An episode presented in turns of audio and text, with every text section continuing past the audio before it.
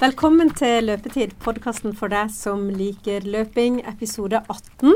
Og Finn er trygt tilbake igjen i Kristiansand. Ja. så visst. Ja. Sist episode så var det jo bare noen timer før du skulle sette deg på flyet Ja, til stemmer. Berlin, og du hadde pakka treningstøy. Ja. Ikke noe mer? Løpstøy, konkurransetøy. Ja. Jeg brukte alt. Ja. Åssen gikk det egentlig? Fikk du kjøpt deg noe annet? Oh, ja, ja, i forhold til tøy, så rett når jeg gikk herfra, så gikk jeg og kjøpte T-skjorte, genser og bukse her i byen. Og det holdt. Da gikk jeg nesten i det, ja, resten av turen. Ja, det var veldig bra. Men det, for Så- det var jo ikke det du skulle til. Du skulle jo til Nei, Berlin og jeg skulle ned for å konkurrere, og det er jo det viktigste. Så, det, jeg, folk skjønte vel at det ble kanskje litt sånn pakka fort, men det er veldig viktig for meg å pakke rett med det tøyet som jeg skulle ha med meg. Mm. Og da som jeg sa, jeg pakka shorts og singlet, liksom begynne innerst. Mm. Løpesokkene, joggeskoene som jeg skulle ha med meg, og, og så begynne å fylle på hva, hva skal jeg gjøre før løpet, hva skal jeg gjøre etter løpet. Og da er, liksom, da er jeg i mål. Da vet jeg at det er kontroll. Men eh, det var litt trøbbel med skoene, skjønte jeg. Ja, det eh, Jeg tror ikke vi snakka noe om det sist, men den samme uka så kjøpte jeg et par nye New Balance-sko. Jeg løpt mye på New Balance nå i det siste, og jeg vet at det er sko som passer meg godt. Eh, jeg blir jo litt plaga under føttene. Jeg snakka litt om den skaden, og jeg gjør ikke det når jeg springer med de. Så jeg har hatt noen løpeturer på de, og jeg syns at de funka veldig godt. Eh, men eh, nå, nå sprang jeg jo veldig bra på maraton. Eh, Mhm, Vi kommer til det. ja, ehm, det ble regnvær i Berlin. Jeg hadde ikke prøvd de på regnvær. Og det, det var litt artig at noen sko de glipper litt på, asfalt, og det gjorde disse.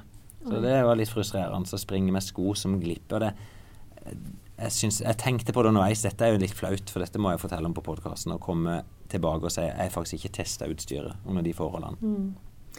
Men eller du kan jo ikke være 100% forberedt på alt. Nei da, en kan ikke det, men selvfølgelig så burde jeg ha testa de liksom under liksom ulike typer forhold. Mm. Så det er litt risk altså å kjøpe en ny type sko så tett opp mot et løp. Ja. Og jeg anbefaler jo ikke folk å gjøre det. Nå ble det sånn.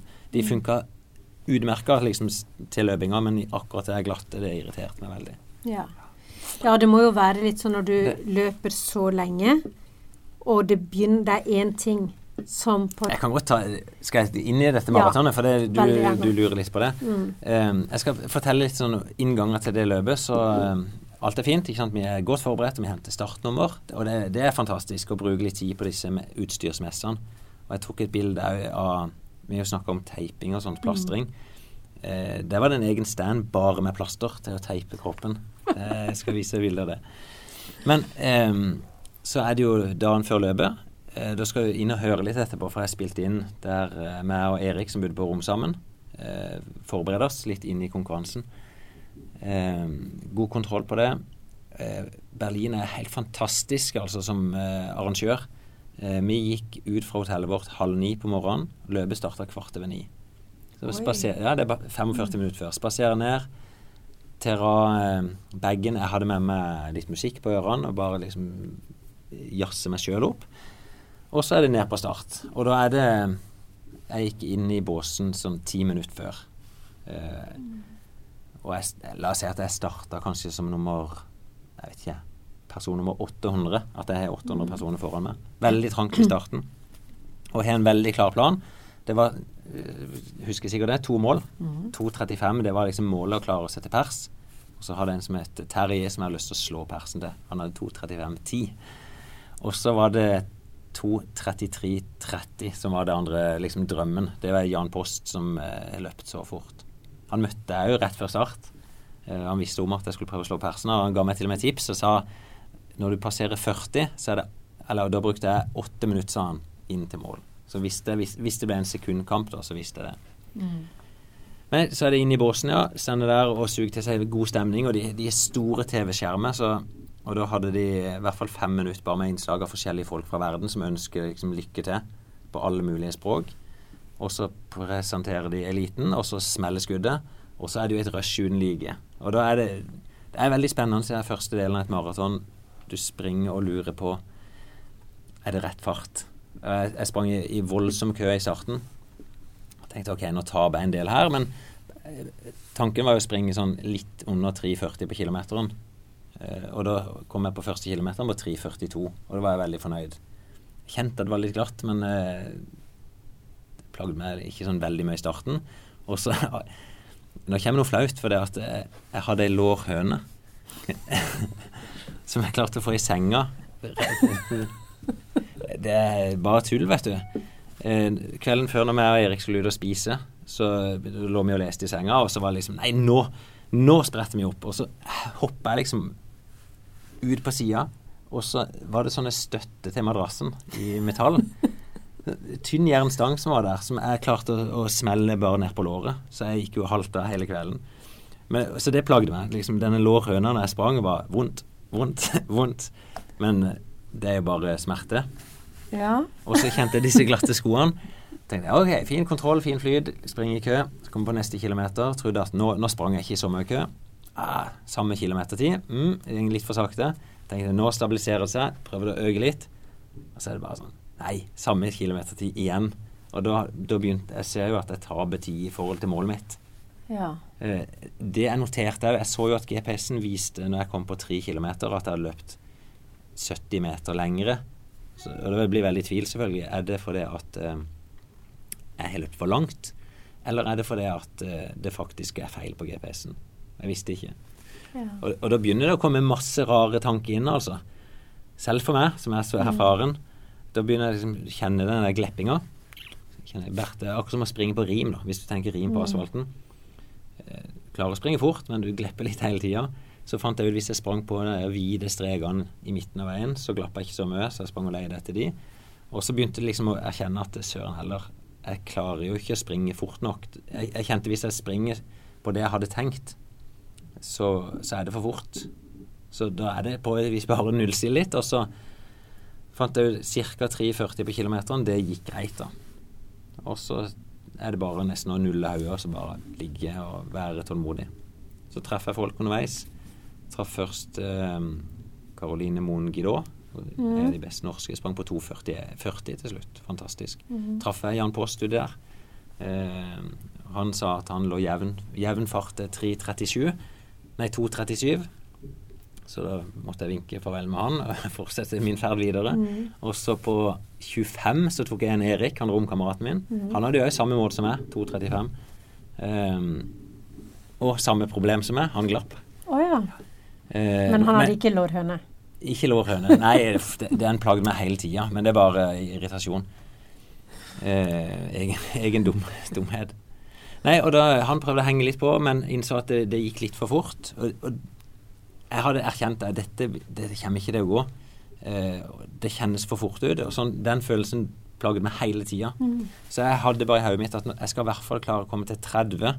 Og så tenkte jeg at etter det så må jeg liksom redusere tapet. Jeg var sikker på at det ville ikke gå. Min plan var å komme til 30, og så tenke nå er det 12 000 meter igjen. Altså 12 ganger 1000, og bare tenke 1 og 1 kilometer. Og det klarte jeg faktisk. og Det var veldig positivt. Yeah. Selv om jeg på forhånd tenkte at når jeg kommer til 30, så er det, da må jeg sette ned farta, så, så klarte jeg likevel å vri fra 30 og si OK, nå er det 1000 meter, og den skal gå under 340. Det var liksom tanken. Det vil si, jeg lyver litt nå, for det jeg, jeg tenkte i mitt stille sinn at eh, 12 km, hvis jeg springer 10 sekunder saktere, så tar det bare to minutter. Og da fant jeg ut at da vil jeg komme inn på ei tid jeg kan liksom akseptere. Liksom med, med litt sånne unnskyldninger. Det er jo et djevelen oppi hodet som sier dette. Ti sekunder på kilometeren, det er to minutter. Da vil jeg komme inn på 2.36. 2.37 kanskje. Ja, det, det er akseptabelt. Men da, da tenker jeg ok, da er målet 3.50 på kilometeren, var liksom utgangspunktet. Og så kom jeg på første, sprang på 3.44, så kan jeg heller tenke ja, der tok jeg seks sekunder. Og så på neste så sprang jeg på 3.37. Så oi, nå tok jeg istedenfor to sekunder, så tok jeg masse. Ikke sant, tok 13 sekunder. Og det ble veldig positivt. Eh, og så bestemte jeg når jeg kommer til 40, så skal jeg sette virkelig gass. Så jeg prøvde liksom å bare, bare liksom stick to the plan. Og så rett før 40 så begynte jeg å få krampe på baksida av låra. Men Det er helt perfekt. ikke sant? Det gjorde at jeg klarte ikke å, å liksom brå spurte, men jeg klarte likevel liksom, å holde høy fart igjen. Og når jeg kom når det, var, det er litt tøft når du kommer inn på oppløpssida der, så, så, ser du Brandenburg og Tår 500-600 meter foran deg. Og det ser ut som det er mål, men det er ikke mål. Målet er 250 meter etterpå. Eh, så det var en annen nordmann han kom spurtende forbi meg og så kasta seg i mål på Brandenburger Tor. Og så eh, Da var det sånn tilfredsstillende så jeg visste at det er lengre. Kan si til han, Nei, det målet her borte. Og det er ganske tøft å reise seg opp og begynne å springe videre igjen. Men da sprang jeg til mål. Jeg, jeg, visste ikke om jeg ville klare det før jeg passerte linja, nesten. Så, og da er gleden meg veldig stor. Ser, de som følger med på Instagram, kan se at jeg var veldig fornøyd. Mm. Og det, det, det handler om, det er jo ikke det at Jeg vet jo realistisk at det er 31 minutter bak vinneren. Um, det finnes mange som er bedre enn meg. Jeg tror jeg ble nummer 178. Ja, Noe sånt. Av, ja, av 47 000 så er det jo bra. Uh, men det som er gøy, er jo egentlig sånn Jeg satte meg et mål, jobba veldig målbevisst for det, og klarte det. Mm. Så om jeg gjør, klarer det, eller eh, han som klarer 3 timer og 18 da, på, mm. og hadde mål på 3,20, det blir jo akkurat samme greia. Ja, nei, jeg syns det, det, er spennende å, å, høre liksom sånn hvordan du klarer å overvinne disse ja. eh, for det, de fleste av oss kanskje, når vi opplever at ting ikke går vår vei, da, så er vi kanskje litt dårligere til å sette disse delmålene som du gjør. Ja, jeg tror, jeg tror det er viktig. Mm. Å, å, ha en veldig sånn konkret å jobbe med. Mm. Og gjøre det så enkelt som mulig. Og jeg tror nok, på maraton så er nok nøkkelen òg å klare å justere seg litt ned hvis du skjønner at ikke det vil gå. Yeah. Og jeg gjør jo det. Jeg, hadde mye negative tanker, men i hvert fall så har jeg klart å, å, å liksom Det lille trikset med å si OK, jeg aksepterer 350, og så heller få positive tilbakemeldinger når jeg springer fortere. Det var en nøkkel for meg da denne gangen. Mm. Ja. Og så selv om jeg jeg hadde ingen tro på at det ville gå etter fem og ti kilometer, men jeg holdt meg bare til planen. Mm. For planen var god. Den, den er jo tenkt på lenge. Um, og, og, det tror jeg er lurt. Og vi hadde to andre i klubben som ikke lykkes så godt. Og det, de holdt seg ikke til planen. De sprang litt fortere enn det de hadde bestemt seg for. Ja, for det er jo så. det når du får det der at du tenker at ok, nå bare kjører jeg på, og så går det jo faktisk ikke.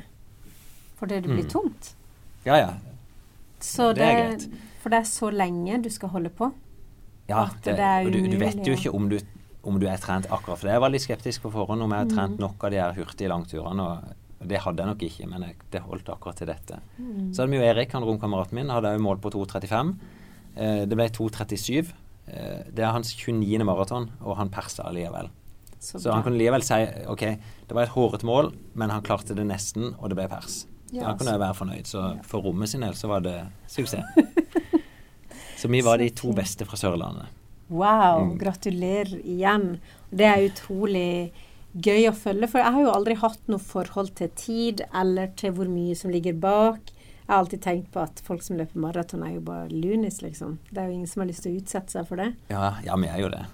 Så Nå er det jo sånn allerede nå, så har jeg skrudd blikket mot New York. Jeg hadde tenkt opprinnelig at det, New York blir bare gøy, så skal jeg bare mm. springe sammen med Joakim og kameraten min. Nå står det blinker 2.32 der. Det får vi ta mer om etterpå. Ja, for, for jeg skal presentere litt den planen som er laget fram mot det. For jeg, jeg prøvde å gå inn og sett hva de beste kenyanerne gjør, og plukke ut nøkkeløkter fra dette. Okay. De springer mye. De springer over 200 mil, nei, 20 mil i uka. Det skal ikke jeg gjøre. Men en del av de viktige øktene som man kan hente litt fra. Ja. Mm. Det var godt å se at du spiste litt dessert og sånn også der. Så du la ut et bilde av vafler oh, ja, ja. med is og Absolutt. Og det er jo viktig. Mm. Eh, og det kan jeg si for hvis en tenker optimal forberedelse inn i et sånt løp eh, Kvelden før så skal vi ut og spise noe pasta. Typisk fyll på med karbohydrater. Så den plassen vi hadde tenkt å gå, der var det fullt. Så vi måtte gå Vi, vi burde rett med hoved, hovedsentralstasjonen der. Så vi måtte ned i kjelleren. Og der var det Pizza Hut, Burger King. Eh, litt sånn Det folk vil kalle litt sånn der drittmat. Ja. Men, eh, det er liksom min innstilling der at OK, hva er det vi skal fylle kroppen med da? det er karbohydrater. Så da gikk jeg Jeg kjøpte en hamburger på Burger King. Jeg vet at det funker greit. Jeg kjøpte vanlig cola, ikke mm. slanke cola. Mm. Eh, og spiser det med god samvittighet og føler Jeg klarer å ha den innstillingen at dette er bra. Mm. Jeg vet det er det jeg skal gjøre. Men så ser noen andre får litt sånn panikken at de, de har et sånn omvendt forhold til dette, så de ender ut nærmest med en sånn kyllingsalat og vann. Mm. Og det er jo ikke den dagen du skal gjøre det på. Nei. Mm. Liksom, gjør ting enkelt, gjør ting normalt. Mm. Og i forhold til gel og sånt, jeg gjorde det jo så enkelt. Jeg, jeg hadde ikke med meg noen ting. Jeg tok det jeg fikk fra arrangøren.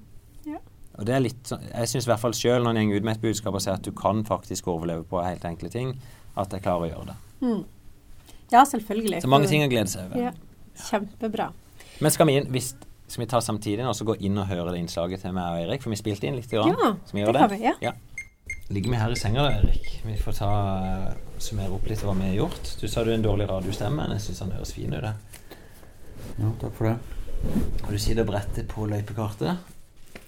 Ja, det er litt gøy å sitte og så Om jeg ikke legger planer, så har vi vært gjennom denne løypa noen ganger før. Og det er litt greit å mentalt uh, se for seg hva en skal gjennom i morgen. Hva skal du gjennom i morgen, da? Nei, det er 42 195 meter.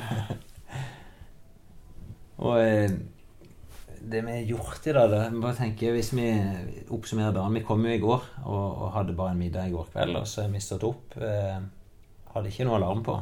Hvis jeg hadde en alarm på halv ni fordi vi hadde avtalt å møtes for en joggetur. Eh, vi spiste vel en lett frokost, og så vi jogga Var det vi sprang? Fem-seks kilometer? Ja, det ble god fem kilometer, og det tror jeg er passelig en sånn dag før. Det er greit å få reisen ut av beina og holde beina litt i gang. Hvordan kjentes det ut? Eh, det kjennes bra ut, og med det mener jeg at det kjennes dårlig ut. Og det pleier ja. alltid å være et godt tegn. ja, det, det kjentes tungt ut? Ja, det blir litt Kanskje som andre sa, at beina er lette og tunge på en gang. Og En litt sånn snodig følelse, men jeg tror det sitter litt eh, nervøsitet i, i, kroppen. Ja, det gjør jo det. Og eh, ja, så var det selvfølgelig ned og hente startnummer. Det er jo en stor greie. Det var det er 40 000, er det ikke det? 40 000 som skal delta, og det var jo kø de luxe nede på startnummerdelinga. Så det var ikke så lenge vi holdt ut der, men fikk i hvert fall ut nummeret vårt. Eh, veldig mye sikkerhet rundt det der, der nede med armbånd, og du må vise pass og legitimasjon og dokumentere at det er du som står der. Uh, og det er vel for at uh, ja, du skal komme i rett startpulje, og at ikke det er noen andre enn deg sjøl som skal springe. Og så har vi jo bare gått og vasa rundt. Vi har spist litt og kikka litt på, på, de som har gått rollers gates, eller hva de kaller det. Og så nå har vi altså vært og pakka på rommet. Klokka er ti på seks. Vi skal spise litt mat klokka sju.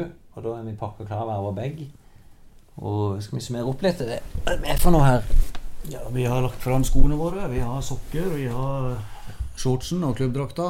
Ja. Og vi har også eh, lagt fram litt teip og litt vaselin. Det er også noe som hører med for maratonløpere. Absolutt. Eh, jeg ser du har med deg en gel. Hvordan har du tenkt å gjøre med den? Jeg kommer til å ha med tre små gel som jeg putter i baklomma. Eh, jeg, synes er, jeg er vant til å bruke det. Ja.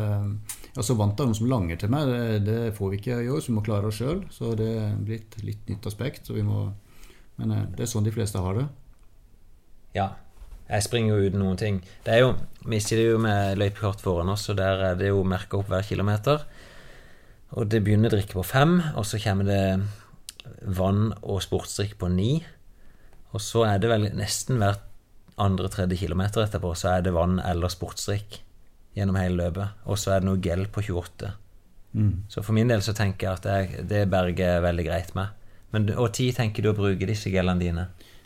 I utgangspunktet ca. én per mil, men jeg føler meg ikke helt avhengig av de heller. Eh, jeg er mest interessert i å få i meg væske jevnlig og allerede fra første stasjon. Kanskje ikke drikke så mye hver gang, men eh, få det jevnlig hele veien. Det, det tror jeg er viktig. Ja, det er sånn jeg tenker. Jeg drikker på hver stasjon, og så bare bitte grann. Jeg ser annet. Det ligger en hanske der borte på sida av vaselinen. ja, vi, vi, deler jo ei dobbeltseng her. Jeg stiller med mine, mine spørsmål. Neida, og det er For de som ikke er kjent med dette, her, så er det noen som har gjort seg dyrkjøpte erfaringer med å løpe maraton uten eh, å ha på bl.a. vaselin på innsida av lår. Og det kan også gnage litt på ja, En får det litt sånn i bukselinninger, og sånn, men det viktigste er å ta på innsida av lårene. Og så er det også å ha noe teip over brystvortene. for det, Ellers så kan du se noen blodige T-skjorter i, i, mål her. Og det, det er ikke behagelig. Det er viktig. Det er bra. Så ser jeg i posen da, som vi skal med bort til start i morgen, så du pakker med litt skift. Ser ut som du er med en ekstra shorts, en ekstra T-skjorte og litt sånt. Uh, kan det være? Ja, altså Vi bor jo veldig nærme eh, start- og målområdet, så vi kan jo gå rett på hotellet. Men det er veldig gøy å sitte og sette seg på plenen rett inn forbi eh, målseilet og vente på de som kommer, og ha en prat der. Og der er det lurt å få på seg noe tørt noe. For når man har blitt eh, svett og varm gjennom hele dagen, så er det veldig fort å bli kald når man kommer i mål òg. Så da tar vi på oss noe tørt noe med en gang, og så venter vi inn de nærmeste klubbkameratene. Skal jeg bare hente ut den for deg i morgen mens etter jeg er kommet i mål? Så ta deg imot med tørt tøy? Skal du bryte? Nei, jeg skal ikke det.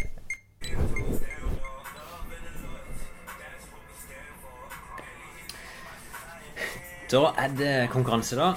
Nå står jeg rett og slett naken med vaselinboks foran meg. Jeg står med en teip. Erik er på do. Det er jo viktige ritualer vi skal gjennom begge to her. Så Noterer sportsteip. Enkelt og greit. Én på hver pupp. Og sånn. Det er litt musikk, hører ikke i bakgrunnen. Nå er det Det er en og en halv time til start. Vi er bare 500 meter å gå ned til starten, så vi skal ikke gå før det er 45 minutter igjen til starten. Dette hadde vært interessant å sette. Nå gnir jeg litt vaselin bare i armhulene. Og så ned i skrittet dersom jeg vet at shortsene kan gnisse. Litt grann på tissen. Og så pleier jeg å ta litt ned mellom tærne, for der kan jeg få litt nag. Og så akkurat på de mest utsatte plassene på, på føttene. Så blir det jo litt gris nå, da. For da, Erik var jo smart her. Han hadde hatt en hanske. Det hadde ikke jeg, så nå har jeg veldig klissete hender. Det får bare gå. Tørker meg bare litt. Så har jeg jo alt tøyet klart fra i går. Så nå er det ganske enkelt er å bare begynne innerst på meg shorts.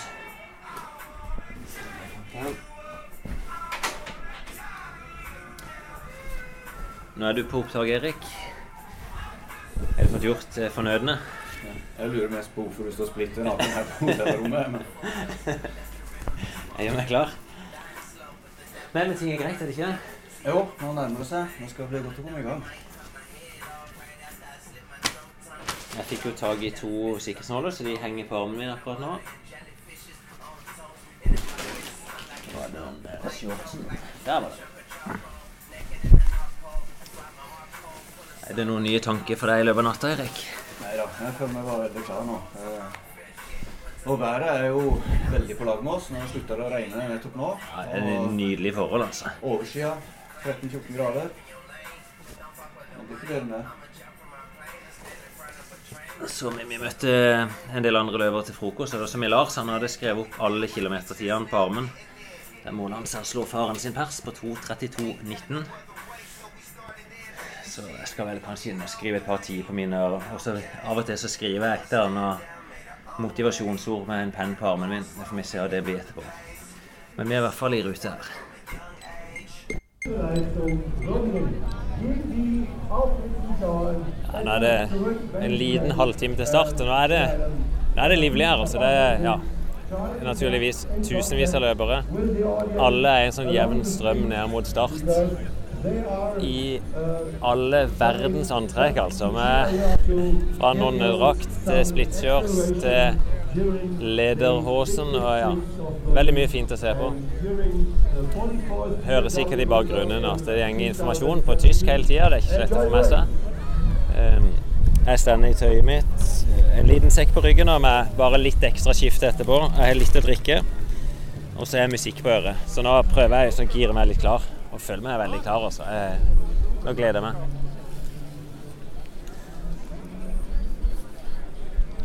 Det er litt sånn artig å observere, for du ser folk blir stressa. Selv om det er en halvtime til start, så er folk begynt å løpe nedover. Du ser de, de stresser forbi og liksom, tenker at de er litt hast, men det er veldig god tid. Så jeg kommer til å levere bagen min om fem-ti minutter, og så stikker jeg ned. Vi ser, Ola, vi kan ta et par ord med deg. Ja. Podkast? Okay. Ja, er klar? Ja. Um, kan ikke du si kort, da? Hvordan er din plan for i dag?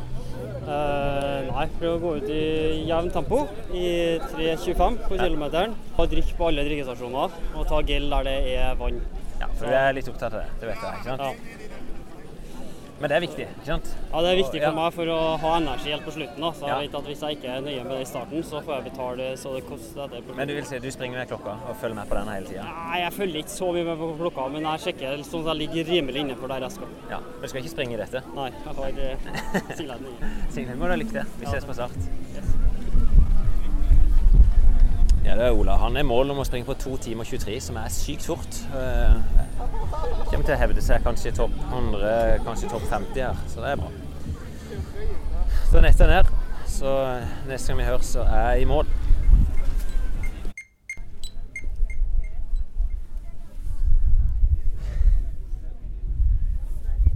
Ja, det, nå sier jeg i mål.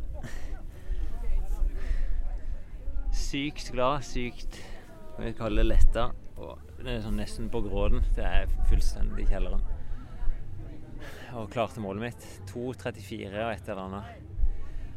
Og jobba noe sykt fra starten. Det var tydeligvis helt feil skovalg. Jeg kjøpte noen sko som jeg aldri løpt på glatta på, de, og de var, var nesten som å springe som var rim på asfalten. Så jeg prøvde å finne alt som var sånne hvite streker, for der gled jeg ikke så mye. Så jeg var ordentlig på defensiven. Så jeg jobba og jobba for å komme ned på den maksfarta jeg skulle. Og når jeg passerte halvveis, så øynene er sånn lite håp på Da passerte jeg på 1,17 noen og 20. Og lå an til å komme akkurat under 2,35. Så det, liksom, det var målet. Jeg drømte jo om 33. Og så Jeg var egentlig sikker på at det aldri kom til å gå. For det var så vondt. og det kjentes bare feil ut. Men jeg liksom bare sto i det og spille inn til podkast. Så klarte jeg å holde farta til mål. Og litt krampe på slutten, men det var persen til en som heter Terje Fredriksen, som lå lurt i bakgrunnen der på 2.35,10, tror jeg han er. Så da var jeg så utrolig glad når jeg kom i mål. Og visstnok bestemann i klubben. Ja, sender Vegard Danielsen her. Kom inn på 2.36 og sprengte sin rekord med seks minutter. Så Nei, nå skal jeg bare komme litt. Jeg kramp og alt. Jeg tar på meg litt tørrtøy. Men eh, så vi bare tar imot gutta og, og jentene, så er det opp på en sånn lokal pub og begynne litt feiring. For det må til nå, kjenner jeg. Men eh, det gjør vondt akkurat nå. Eh, Finn, eh, det er jo mye sosialt rundt dette med med å dra på sånne turer. Så jeg ser jo det, eller hører det, at eh, for deg så er jo det mer en konkurranse og eh, ja Del av livsstilen. Det er Ja, jo her er du har viktig. ditt sosiale nettverk og Ja, det er det. For meg så er det ikke noe tilfredsstillende å reise ned alene på et maratonløp, f.eks. Prestasjon er selvfølgelig en viktig ting, men det viktige er å ha med seg folk du eh, sier om du er glad i, eller kan ha det moro sammen med. Mm. Så det blir eh, Det er en form for guttetur med bare noen Ja, det var både gutte- og jentetur sånn sett her. Eh, veldig ofte som vi har hatt med samboer og kone og sånt er på disse turene. Som nesten sånn belønning at vi velger en stor by, stort løp, og så Mm. reiser vi ned tett på løpet, og så kan vi ha det moro etterpå. Ja. Det er jo en kjempefin måte å gjøre det på. Da blir det jo plutselig gøyere for de andre. Ja. ja, det er noe som er litt At det kan være litt tungt å, å ha det gøy for å si det sånn da, på vei inn i et maraton. Det kan bli litt alvorsprega, men da er i hvert fall tid etterpå til å ha det gøy sammen. Ja. Mm. Men du, ehm, jeg har jo, det er jo flere ganger hvor eh, vi har snakka om ting som har med løping å gjøre og sånn, og så sier jeg til deg at ja, for det er jo veldig viktig å tøye. Og så Ja, akkurat den, akkurat det du gjorde nå, gjør du hver gang. Og så sier du ikke så mye mer. Ja, så ler du litt. Ja, så, eller ja, så sier du det er jo ikke det. ja, for du legger det fram som en påstand. Det er jo ikke veldig viktig å tøye. Det er ikke det. Det er nok noen myter rundt det. At det, Ja. det henger litt igjen at eh, hvis jeg tøyer, så slipper jeg å bli lemster, f.eks.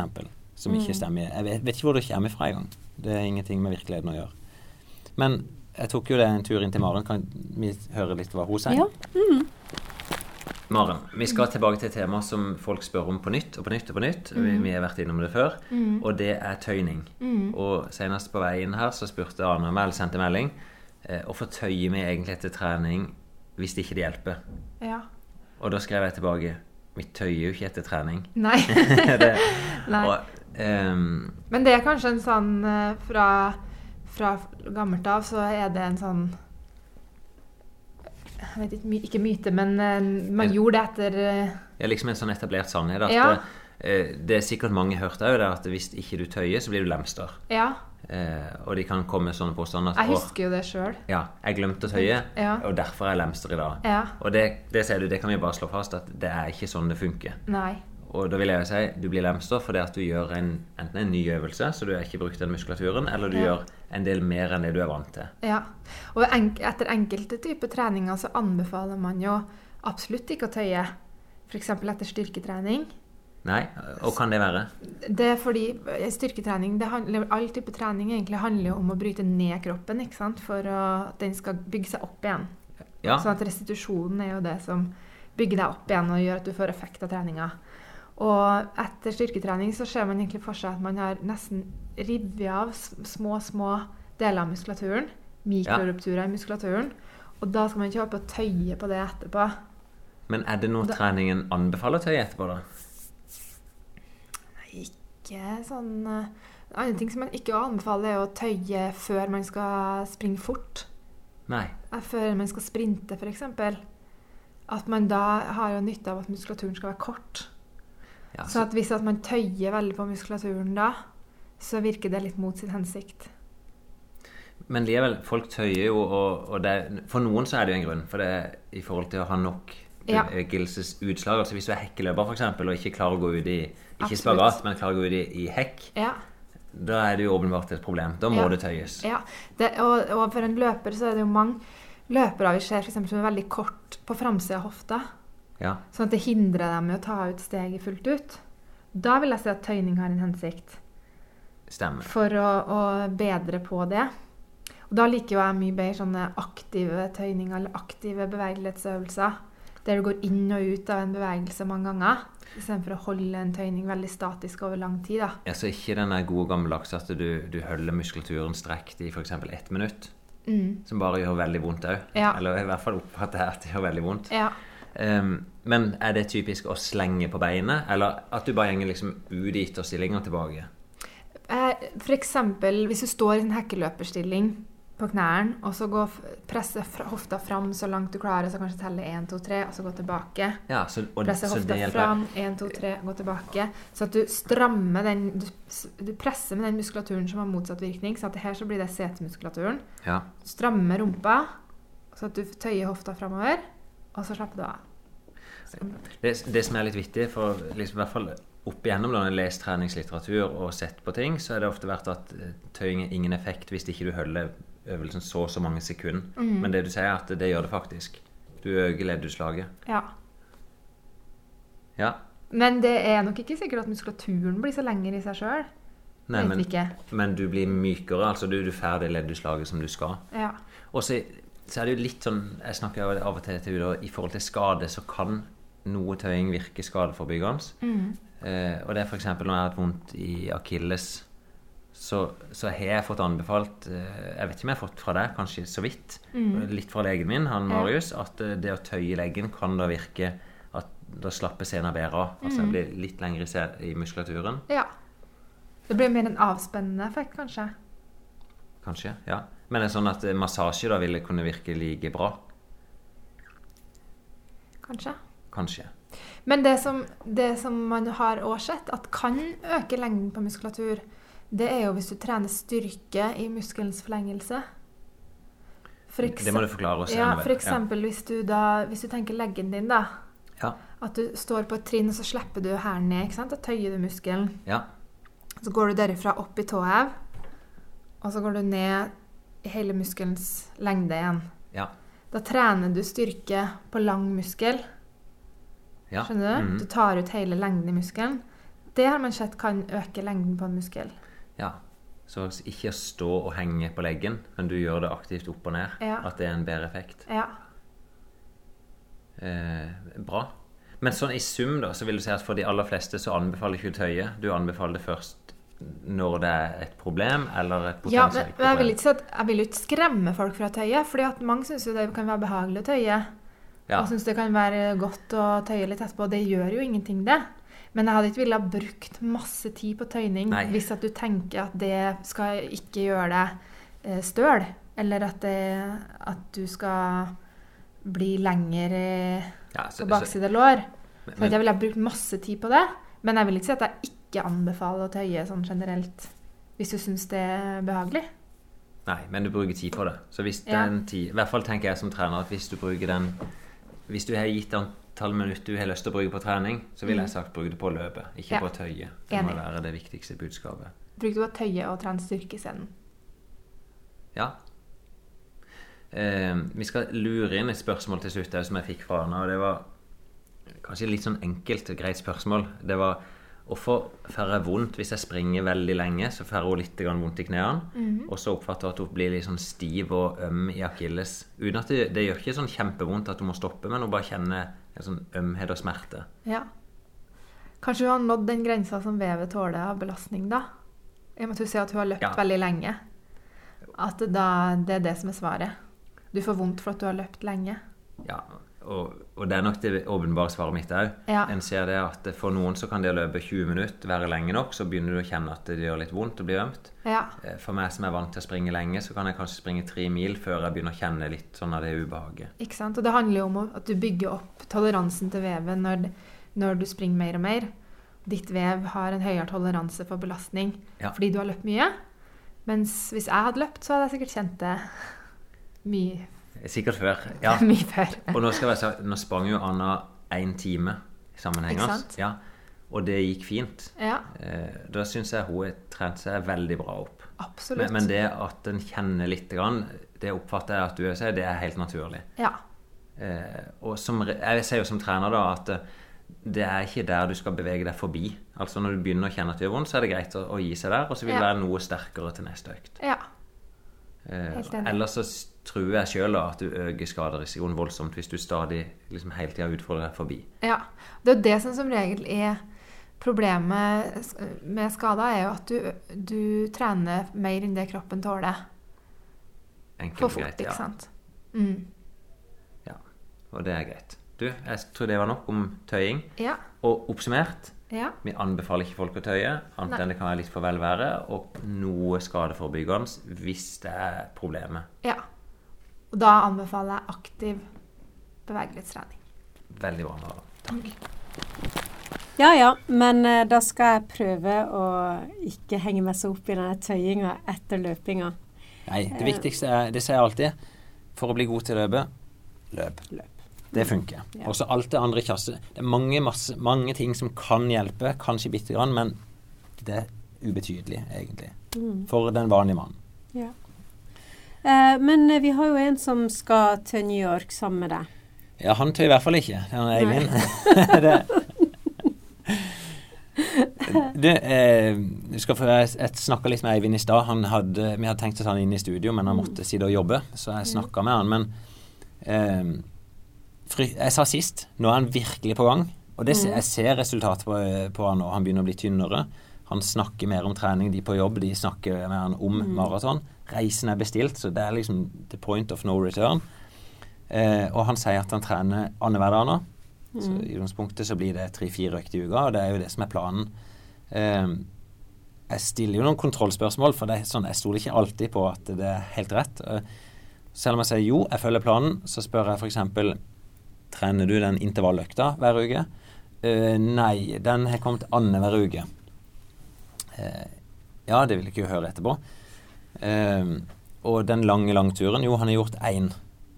Og så skulle han gjøre en Han skulle jo gjøre en til, en som ikke var så lang. ja, som skulle være i hvert fall 15, Mm. litt fort. Eh, ja, den ble 12. Men den ble fort. Så vi kan egentlig Litt sånn bekymra igjen. Sånn, jeg, jeg måtte realitetsorientere han litt i dag. Det er fem uker nå til helga. Eh, Og da Det er jo begrensa nå hvor mange økter han får gjort. Han begynner å kjenne det litt grann i beina. Men vi kan inn og høre. For nå sitter vi med Eivind. Ja. Det er nå fem uker igjen til maraton, Eivind. Til helga. Mm. Og eh, sist så sa jeg at eh, du, du hører ikke på podkasten, så det er, det er nå avslørt. Det er avslørt. Men vi sa at eh, Der sa jeg endelig eh, Nå er Eivind skjønt alvoret. Nå er han i gang på treninga. Og det var egentlig Det er jo det du sier til meg òg. Nå trener du Annenhver dag. Annenhver dag. Mm. Bortsett fra i går. Eh, og da tok jeg en pause. Fordi jeg kjenner at leggene begynner å bli eh, stive. ha, Eller litt hardere. Ja. Eh, ja. Og så og så kjente, så kjenner jeg litt i skinnleggen. Eh, og det kjente jeg i forgårs når jeg løp. Jeg pusha meg syv minutter inn i økta, og så kjente jeg smerten forsvant. ja, det er et godt tegn. Beinhinna di, da, den er, det var jo noe av det vi Ja. identifiserte som et problem allerede fra starten. Så, jeg er veldig fornøyd at du klarte klart å holde i sjakk. Og nå trener du annenhver dag. Yes. Eh, hva er sånn standardøkta di nå? Standardøkta er 12 km, og så ligger det på et sted mellom 5,20 og 5,30 i Ja, det er bra. Um, og så er jo utfordringen du skal ha ei intervalløkt i uka. Så skal du ha ei økt som er litt ekstrem mot maraton. Mm. Er du klar til å gjøre intervall? Nei, ikke så Altså, intervallene har jeg hatt eh, annenhver uke. Så jeg har liksom ikke Ja. Det, det er ikke det viktigste med maraton. Mm. Det intervallene gjør, er jo å, å øke kapasiteten Ja. din. Sånn at det, så det blir lettere for deg å springe i 5.20-fart. Ja. Men, men det gjør òg Det å springe i seg sjøl Mm. gjør det òg lettere. Eh, men det er lurt. Mm. For, for det å utsette deg for større belastning gjør deg sterkere. Mm. Så OK, det er fem uker igjen. Mm. Jeg jeg ville, hadde jeg vært der, prioritert å få lagt inn disse ukentlige intervallene. Mm. Um, og så ekstremøkta, da, som skulle være lang, lang tur, som er 25 til litt over 30 km. Da har du hatt én Mm. på 25, og så har du egentlig planlagt en ny Mm. forrige helg. Men da sa jeg nei, hold igjen. Eh, for nå skulle det være den litt harde Mm. 15 km-turen. Mm. Ja. og den, den, den Så det ble 12 km, da. Ja. Og da, da, da, da kom jeg ned i, eh, i 5.13. Så, ja. så det, det er jo en ny rekord for meg, da. ja og, og gratulerer, men Nei da. Ja. Eh, det er viktig å tenke maraton. Ja. At uh, du skal ikke ut og springe en 10 km, du skal ikke springe en halv maraton, men nå er det mot maraton. Og du må liksom heve deg litt. Du må tørre å springe 15 km i maratonfarta di, og Ja. du må springe lang, lang tur. Mm. Så nå er neste til helga nå, så må du springe lang, langtur. Minimum 25 km. Aller Yes. helst litt grann mer hvis du klarer det. Okay. Ja. For det som skjer da, jo lengre du utsetter dette Mm. så Når du da skal springe den lange langturen, er jo at du bryter sammen. Altså du, Det krever for mye. Mm. Så vi må bygge deg opp. Så du er på vei. Eh, Det er fem uker igjen, men eh, det er, det er jo tid av veien. Nå smiler Finn, men Ja. ja, yes, yes. Mm. Ja, men jeg, jeg mener det, det er tid av veien, og, og de dagene Det har jo regnet litt i det siste, og sånn, og da er det sånn at jeg, jeg skal løpe maraton. Jeg må ut og få juling. Altså, jeg må ut og løpe. Så det, den, det har vært en god motivasjonsfaktor for meg å faktisk løpe annenhver dag, noe jeg kanskje Ja. ikke hadde gjort hvis det ikke var maraton i vente. Det hadde du ikke gjort. Det er jeg helt sikker på. eller, Ja. jeg hadde ikke gjort det. Det, det er liksom kommentar. Det er jo meldt mye regn nå i helga. Du sa til meg rett før hva kona di hadde Jeg fikk en, eh, jeg fikk en SMS på bussen på vei til jobb i dag. Det var sånn her, Eivind, du vet det er meldt mye regn i helga, og hun vet jeg skal ha en langøkt. og Skal du løpe da? Jeg, svarte, jeg har ikke svart på den. Men, men selvfølgelig skal jeg løpe. Selvfølgelig. Er, regn er ingen hindring. Nei, det er bra. Det er jo, ja. Du, Eivind, det er gøy. Eh, Jeg håper du syns det er gøy sjøl òg. jeg, jeg, synes Så det. Jeg får kommentarer. «Å, Eivind, du, du, du går ned, og du ser bra ut. Ja da, det ser du, du er en sånn jevn Ja. vektnedgang, Ja. så det er positivt. Du er en jevn oppgang i trening. Mm. Og det, det høres ut som du syns det er relativt ålreit de fleste øktene. Ja, jeg syns det. Ja. Jeg synes det. Og, og det er det viktigste. ja. Eh, og så er min oppgave litt å fortelle realiteten av hva en som venter. Mm. Eh, for Og det vet jeg. altså, Hallo. eh, Det er helt vilt. Denne, det, det blir jo helt vilt. Halvmaraton var en vekker. Jeg ble nesten litt skremt. Og maraton eh, det, det, det, Jeg går ikke og direkte gleder meg til det. Det gjør jeg ikke, altså. Men det skal du. Vi skal få deg der til slutt, Ja. at du skal glede deg. Men det handler om å få litt trygghet. Så, men bra, Eivind. Ja. Nå må du fortsette å jobbe. Vi høres. Vi snakkes. Å, Eivind, Eivind, Eivind. Du må begynne å høre på podkasten. Han må først trene. Og det, han Ja. ligger- du hører her òg, i og med at han har litt vondt, så, så ligger han jo òg i grensa av hva han tåler. Mm. Så, og nå hørte ikke jeg òg han har tatt noen justering, tok fri i går når han egentlig skulle trene, fordi han var litt stressa på om den skaden kunne forverre seg. Og det er bra. Bra, Eivind. Jeg hører om han hører at du sier bra til han, da. Det tror jeg han gjør nå. Ja. Jeg satser på det. Men du Finn, jeg har jo sett at uh, det blir eh, eh, arrangert veldig mye sånn der terrengløp og sånn på høsten. Og eh, også sånn kombinert løp med sånn hinder har blitt veldig Ja, det- det populært. Og, og sånn. Så eh, da jeg var nede på løpelabbet, så eh, fikk jeg sett noen eh, For jeg visste ikke at man hadde egne sko til det. Det finnes jo sko til alt. Altså, Ja. det er en, sånn I utgangspunktet så kan du kjøpe et par sko som er beregna for å springe på asfalt med, så kan du bruke det hvor som helst. Det er mitt utgangspunkt, altså. Det jeg har sprunget de tøffeste skogsløperne nede på helt vanlige maratonsko. Blanke maratonsko. Så kan du si ja, det er bedre å springe i røft terreng med skikkelig terrengsko. Ja, men jeg vet ikke om det er noe stort poeng. Sånn for de, I hvert fall for den vanlige mannen. Men vi kan jo gå inn og så høre hvert fall hva løpelabbet sier. Det skal vi få lov å høre. Ja. Charlotte, eh, du har jo fortalt meg at eh, det snart nå begynner å bli tid for terrengløp. Det har jeg jo aldri prøvd meg på. Nei, det er jo det som er gøy. Vet du, Når man løper asfalt, så blir man så veldig opptatt av den tida og farta og sånn. Ja. Det er selvfølgelig mange som er det i terrenget, men der er man mer opptatt av naturen, føler jeg. Altså er man, hvis man løper asfalt, så her er all fokus innover i kroppen. Når jeg løper i terrenget, så har jeg all fokus ute i terrenget. Så det er veldig forskjellig. Men kan du forklare meg, når det er terreng, er det å løpe i skogen, da? Eller På sti, Ja. hvis man løper sånn utenfor sti, så det er jo også mulig. Men da er det mer orienteringsløpere som gjør det. Kanskje litt ultraløpere. Men eh, de flestevis så er det jo en sti. Og da er det greit, som du ser her, å ha en god terrengsko.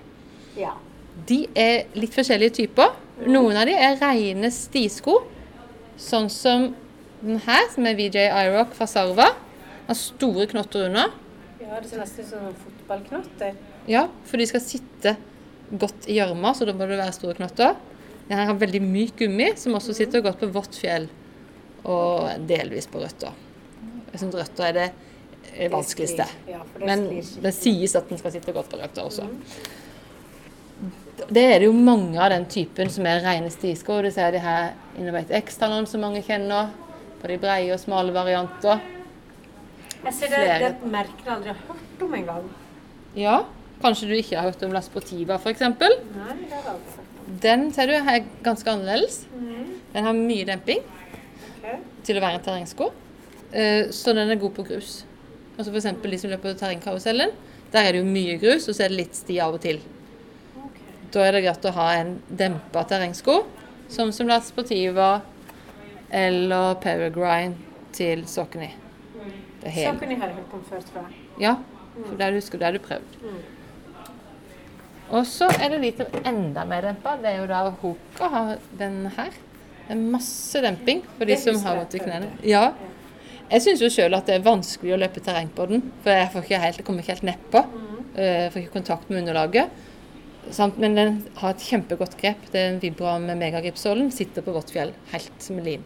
Og jeg syns det er utrolig godt med de skoene som sitter på fjellet. For jeg er en ordentlig pyse på fjellet. Jeg syns det er skummelt å løpe nedover f.eks. på glatt svaberg. Da må jeg ha noen sko som sitter. Noen løper på asfaltsko òg, i terrenget. Jeg skjønner ikke helt det.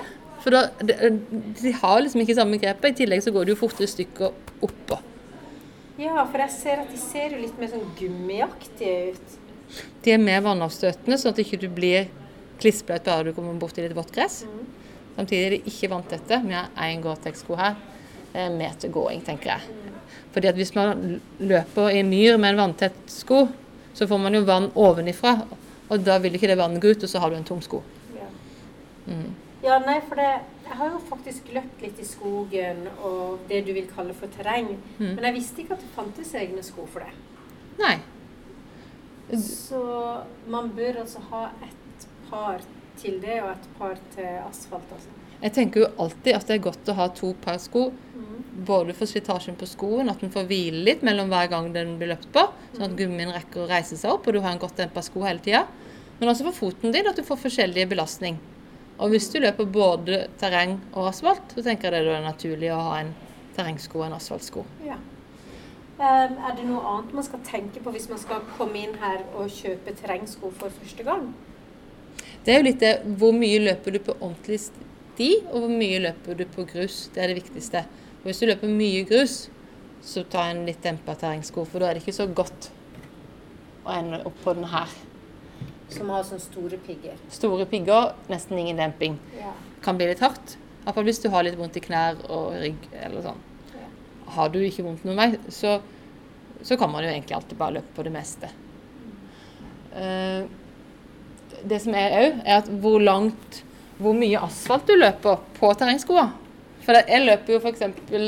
to kilometer opp til skogen og to kilometer tilbake, så det blir alltid fire kilometer på asfalt. Mm. Og det betyr sånn som den her, den blir, jeg sliter ned alle de piggene ganske fort. Ja. Og så blir grepet litt dårligere. Og det, I begynnelsen når den er helt ny, så sykler jeg til skogen. så går det noen uker, og så løper jeg på den. Kan jo løpe i grøftekanten. Så det er greit å vite hvor mye man gjør det. Da kan man f.eks. velge en sånn som Iceberg og Ribi, som tåler litt mer asfalt uten å gå i stykker. Mm. Men som har faktisk overraskende godt grep på vårt fjell, ut fra sånn det ser ut som ikke den beste gjørma. Mm. Men det er jo noen som faktisk har piggsko når det begynner å nærme seg vinteren, er det ikke det? Det finnes to forskjellige typer, eller tre forskjellige typer piggsko. Det ene er bane, det skal jeg ikke prate om nå. Og så er det jo de, som du sier, vinterpiggsko.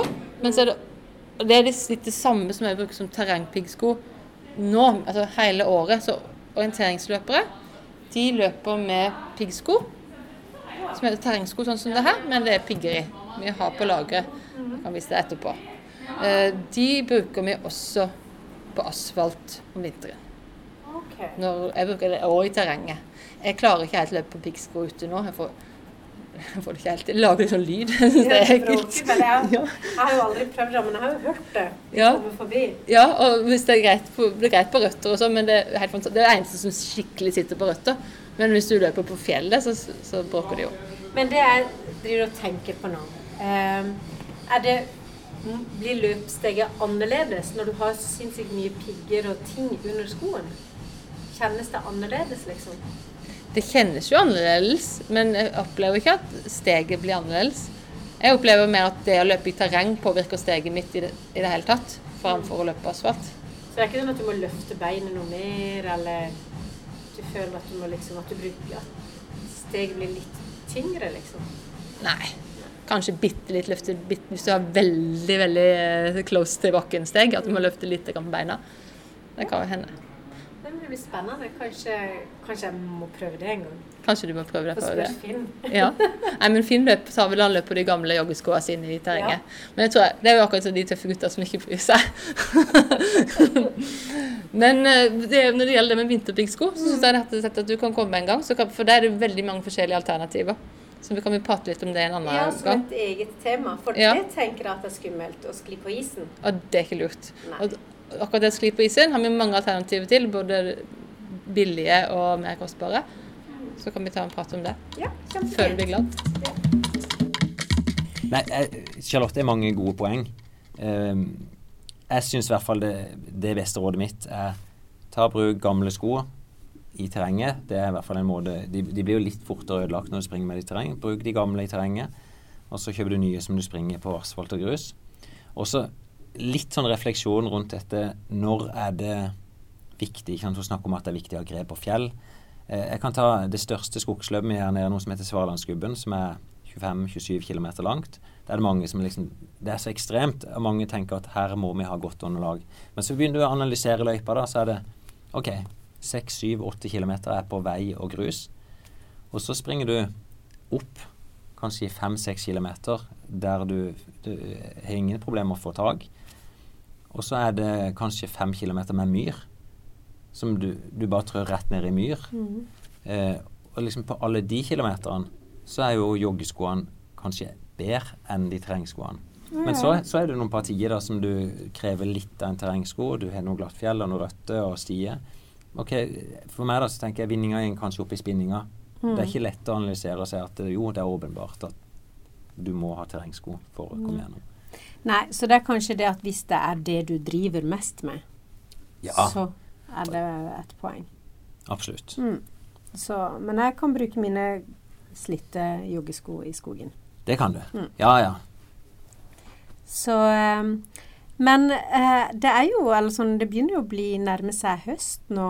Og ja, jeg begynner å merke på det sjøl. Ja, ute i skogen. Det er dark season som er begynt. Mm. og Det er jo mørkt så jeg springer ut på morgenen, og det er stort sett mørkt når vi springer ut på kvelden. Ja.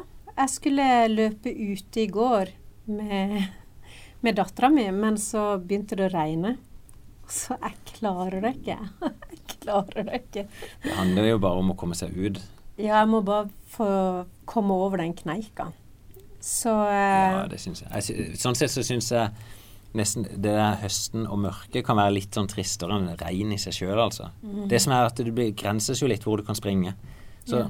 og, det kan du godt eh, Vi kunne snakke med Løpelab om det, om hodelykt. Ja. For det er et poeng. Eh, kjøpe seg lett Det begynner å bli veldig mange gode hodelykter som du bare kan ha uten tunge batterier rett på hodet. Og da kan du springe der du vil. Mm. Noen jenter kanskje spesielt og er litt redd for å springe i terrenget. Mm. Eh, men jeg kan garantere folk at det er ikke der du finner disse vi kaller det seksualforbryterne. Eller, Nei. De holder seg langt vekk fra skogsterreng. Ja. ja jeg merker Så. det jo sjøl at eh, når jeg har vært ute og løpt, og jeg liksom sånn Jeg ser én mann, stakkars. Ikke sant? Går liksom der, ja. så, så, begynner hjertet å banke, og jeg blir nervøs. Ja. Og han er kanskje bare på tur med hunden, eller ikke noe ja, farlig. Jeg har ikke noen gode tips mot det, annet enn å slutte å bekymre deg. Nei, men da merker jeg at jeg bare tenker hvis det skjer noe nå, så er det ingen som finner meg, eller ingen hører meg, eller liksom Nei. Så det er litt skummelt å løpe i skogen. Ja, jeg tror du blir vant til det, altså. Mm. Du gjør det. Men i hvert fall nå, hvis du snakker om høsten, og jeg, jeg syns liksom det å springe i terrenget nå, det er veldig flott. For det at nå er jo bladene begynner å falle ned eh, underlaget begynner å bli bra. Det kan være litt glatt og litt sånn kjassent der, men, men, det er i hvert fall litt mer oversiktlig enn det har vært gjennom våren og sommeren. Eh, og jeg syns det å plaske rundt i litt regnvær, eh, da er det godt å være løper, syns jeg. Ja, Men er det noe annet sånn forberedelser som man gjør nå på høsten, liksom? For nå begynner det jo ja. liksom løpesesongen og ta slutt, gjør han ikke det? Og Det kommer veldig an på hvilke mål du har satt deg. Så En typisk barneløper, da, disse som ungdommene som jeg trener, de har jo sin sesong fra tidlig vår og så fram til september. Og så tar de typisk en høstpause. Mm. Eh, så kan du spørre er det noe, noe poeng liksom å, å, ta den dvaleperioden. For motivasjon så kan det være det. At du, du kan koble litt av, og så hente fornya motivasjon. Mm. Eh, nye mål. Eh, for kroppen, så ok, hvis det er noen skade, så kan det være lurt å liksom bli kvitt de. Mm. Eh, så noen er jo de, de tar noen uker fri eller trener litt annerledes, og så begynner de med liksom oppbyggende trening. Mer basisstyrketrening, mer rolig trening. som liksom gradvis kan bygge seg opp. Det er en sånn vanlig måte å gjøre. Men så er det jo mange som har satt seg mål. De skal springe maraton, og det er typisk på høsten. Så da er det jo full gnu på trening. Mm. Hvis du skal delta på alle disse skogsløpene, så er jo det Da må du trene. Mm det er jo, De som er best trent, de er jo ofte best nesten uansett. Men det er jo sånn Hvis du trener mer i terreng, så vil du bli bedre og mestre terrenget bedre òg. Mm. Så, så, i hvert fall for de som satser litt og, og, skal ha en god prestasjon i skogsløp, så ville jeg prioritert å løpe en del i skauen òg. Mm. Og legge til og med intervalløkter i skauen. Ja. Nei, så den uh... Men jeg, er, jeg, tenker ikke det er ikke der vi sender deg ut, og det er ikke der vi sender Eivind ut. Liksom, han må jo bare ut og få løpt. Ja. Mm. Jeg syns av og til det er deilig å løpe litt sånn ulendt terreng i skogen og sånn, for det er akkurat som du ja. Du blir liksom at uh, fokuset er på å ikke skli og dette, og du føler nesten så at du får litt tempo. Ja, et godt poeng egentlig. Og det er jo mer avlastende, så det, mm. du reduserer risken for skade. I hvert fall belastningsskade. Du har jo andre du kan falle, du kan drikke bein og sånt, mm. men det får vi se bort ifra. Ja. Men sånn, sånn, for det mentale så, så går tida fortere i terreng. Mm. Så gjør det normalt, i hvert fall. Da anbefaler jeg å ikke ha mer musikk når du springer ute. Altså heller liksom ta til seg lydene og kikke seg rundt. Ja. ja, altså da er det for meg som er litt nervøs i skogen. Så. Akkurat den fartsfølelsen du snakker om, det er litt fascinerende. Jeg synes, Hvis du er en litt sånn smal sti, kanskje en meter, halvannen brei, som er trær på sida, mm. da får du den liksom veldig gode fartsfølelsen når trærne fyker forbi. Ja, det, jeg har én løype i skogen som er litt sånn ulendt terreng, som jeg liker veldig godt. Opp mot, uh, mot uh, Bærvann. Ja. Det, der, det, det, er jo litt lokalt, da. Men uh, der går det fort. Ja, jeg tror mange har en sånn fast plass som liksom, her trives jeg. Mm. Jeg har min plass òg oppe Ja, jeg skal ikke si hvor det er engang, men en plass der jeg liksom Her trives jeg. Dette mm. er mitt ideelle løpested. Mm. Så fint. Men eh, ja, vi har fått inn eh, noen eh, som anbefalte bruk av Spotify. Ja, det, det gikk på skrittfrekvens. Ja. Du er jo helt syk i hodet. Vi, vi, vi, snakker om det, det å klare å få inn en god løpsrytme. Det, typisk da, så kan det være å springe med ca. 180 steg i minuttet. Mm. Eh, og da finnes det jo på Spotify, så tipset hans der er jo at du kan finne lister der du har den frekvensen inne. Mm. Det syns jeg er et godt forslag. Du springer med metronom på øret. Altså Ja, 180. Dykk, dykk, dykk, dykk, dykk. Det skal, skal, du ikke gjøre. Det er ikke noe smart for hodet ditt. Nei, men jeg syns det er en eh, For meg så er det en kjempehjelp til ja. å ta korte nok steg. For når jeg begynner å bli sliten, så blir stegene mine lange. Og ja. holder jeg den, så klarer jeg å huske å korte ned stegene litt. Men, men, prøv med musikk. Det vil jeg virkelig anbefale. Det er bare å mm. søke opp eh, 'running 180', f.eks. Mm. Og det kan være at 180 er litt fort altså for folk flest. Mm. At en kan begynne på 160 og 70, og så heller bygge det opp. Ja. Som en kuriositet så sa jeg et snitt Snittet mitt var 180 på maraton. Så da er det liksom Det er helt perfekt. perfekt. Ja. Eh, så har vi også fått noen som har spurt om eh, deltakelse på Fanaløpet.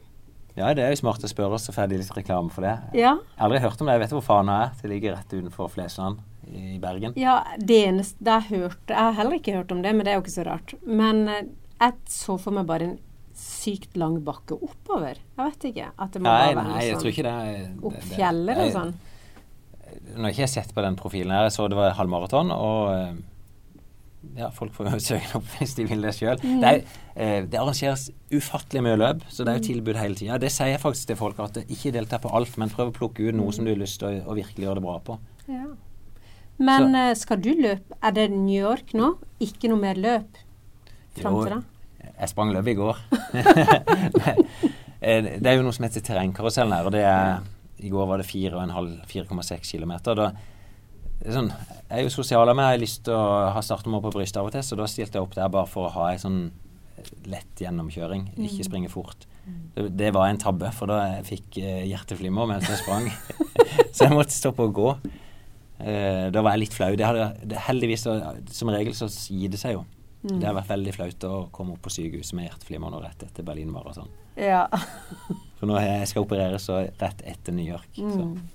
Nei, det er jo veldig morsomt, for det. du har jo så utrolig mange gode tips og råd, men det er ingen av de som gjelder for deg, da. Ja, og de fleste gjelder jo for meg. sånn som det også liksom Var det ikke én dag på kilometeren?